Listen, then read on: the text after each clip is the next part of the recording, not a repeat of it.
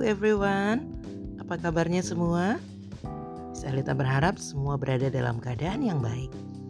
Hari ini ada satu cerita dengan judul Penembak Jitu akan dibacakan oleh Miss Alita buat kita semua.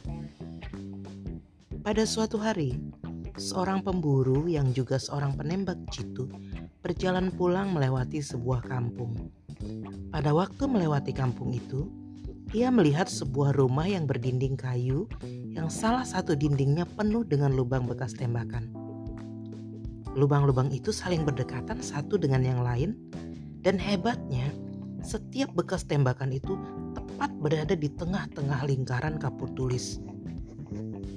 Sang pemburu kemudian berhenti sejenak untuk mengamati dinding itu. Ia berkata dalam hati, "Gila," kata sang pemburu itu. Tak ada satu tembakan pun yang meleset dari sasaran. Hebat sekali penembak ini. Penasaran oleh hasil tembakan yang mengagumkan itu, sang pemburu lalu pergi mencari penembak yang hebat itu. Ia lalu berjalan berkeliling kampung dan bertanya pada setiap orang yang ditemuinya, apakah mereka kenal dengan penembak yang hebat itu. Sudah lama berkeliling kampung dan belum menemukan orang yang dimaksud, sang pemburu berjumpa dengan seorang laki-laki setengah baya. Pak, tanyanya kepada laki-laki itu. Apakah Bapak tahu siapa yang menembaki dinding kayu di rumah itu?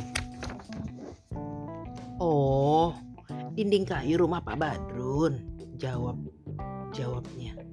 Yang menembaki dinding itu adalah anaknya yang masih kecil. Pemburu lalu pergi menuju ke rumah Pak Badrun. Sesampainya di sana, ia melihat seorang anak laki-laki sedang bermain-main di depan rumah kayu itu.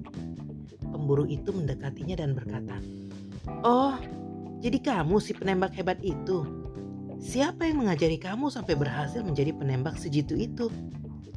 "Saya belajar sendiri," jawab anak itu. "Wah, wah, wah," jawab pemburu keheranan. "Bagaimana caramu belajar?" "Oh, tidak sulit, gampang saja," Jawab anak itu. Mula-mula saya menembakkan peluru-peluru ke dinding itu.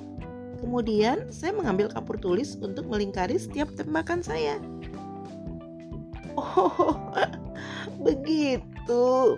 Celetuk pemburu tersenyum geli.